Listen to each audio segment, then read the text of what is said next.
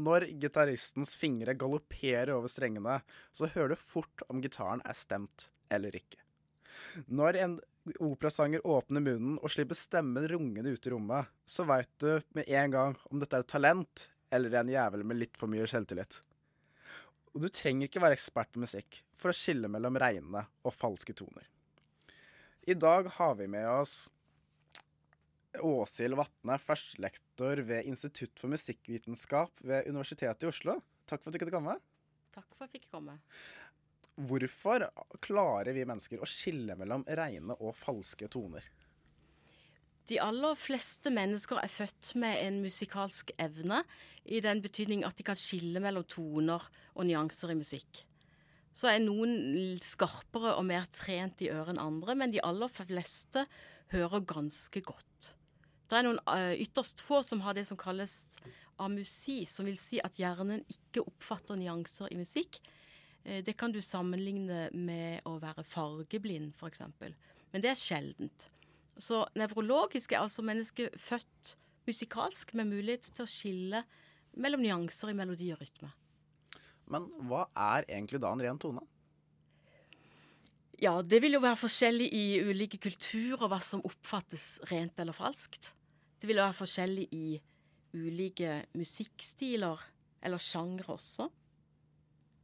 Eh, det er forskjell på norsk folkemusikk eller eh, blues eller eh, Sølvguttene som skal synge, om det høres rent ut eller ikke. Mm. Jeg tenkte at vi kunne spille et lite klipp som du har sendt inn her. Den heter 'Det er så vent' av Gro Heidi Brokke. Hvis vi bare hører det lille Det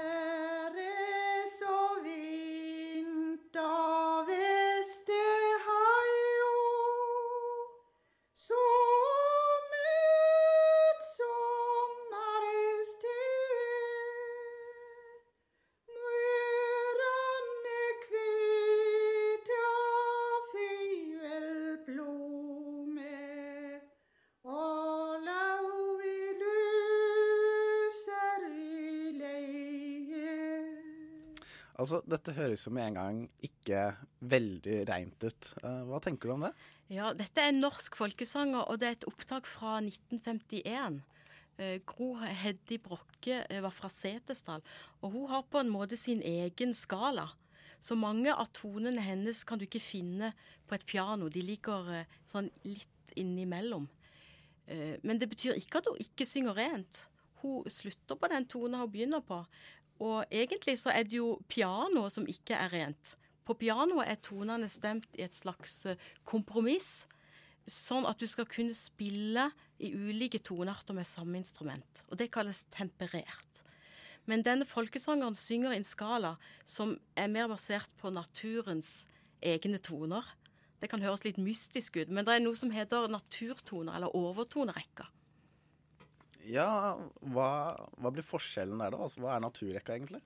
Ja, og Hvis du eh, synger eller spiller en dyp tone, eller hvis du har et kors hvor bassene kan synge samtidig en skikkelig mørk tone, så vil du høre overtoner.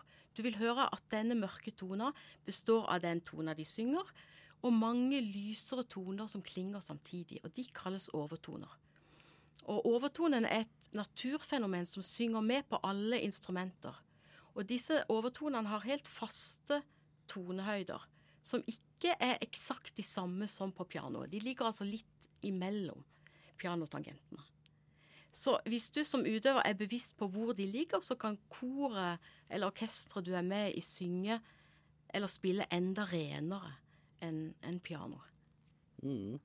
Men noen musikere, som f.eks. Eh, Ole Paus, for eksempel, som er visesanger, har en sangstemme som tonemessig høres kanskje veldig uren ut uh, når vi hører på den. Uh, hvorfor altså Stemmer det at noen anerkjente musikere rett og slett synger surt? Jeg vil ikke si at Ole Paus synger surt. Uh, ulike sjangre har jo ulik estetikk og ulike kvalitetskrav. Og i noen uttrykk kan faktisk en litt sånn rufsete intonasjon være en viktig del av, av det kunstneriske uttrykket. Så i noen sanger er jo ikke tonehøyden så viktig, det er kanskje heller tekstformidlinga eller den rytmiske gruven. Mm. Men Et annet spørsmål er, for meg da, er hvorfor har det seg slik at noen artister høres helt fantastiske ut når du hører dem på en CD eller på Spotify. Så kommer du på konserten live, og så er det ikke like bra lenger. Nei, det er klart Når du gjør et opptak, så kan du flikke på det. Du kan klippe og lime mellom forskjellige tagninger. Du kan justere tonehøyden og timingen.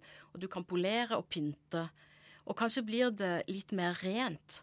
Men det er ikke sikkert at det blir bedre enn et liveopptak. Eh, Det har sjøl opplevd, at man gjør ting i studio først. Kanskje spiller en inn én musiker av gangen. Eh, Når man så har konsert og musiserer sammen, så løfter og inspirerer en hverandre gjensidig.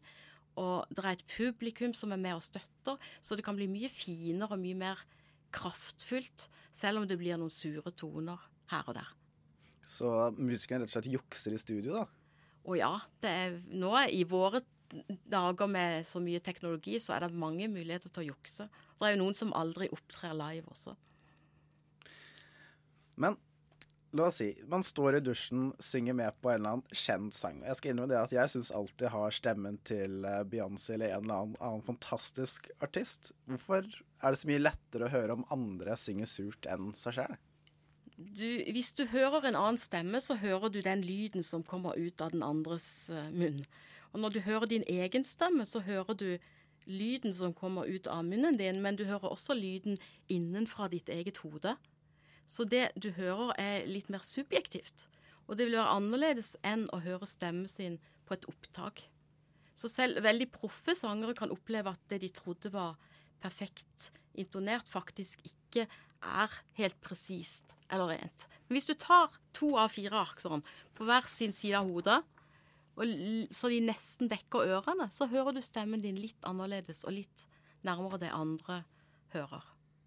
Så er det rett og slett mer ekte på den måten. da.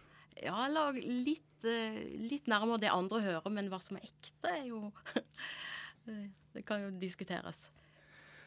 Tusen takk da til deg, Åshild Vatne, førstelektor på Institutt ved musikkvitenskap ved UiO, for at du kom hit for å opplyse oss om disse reine tonene.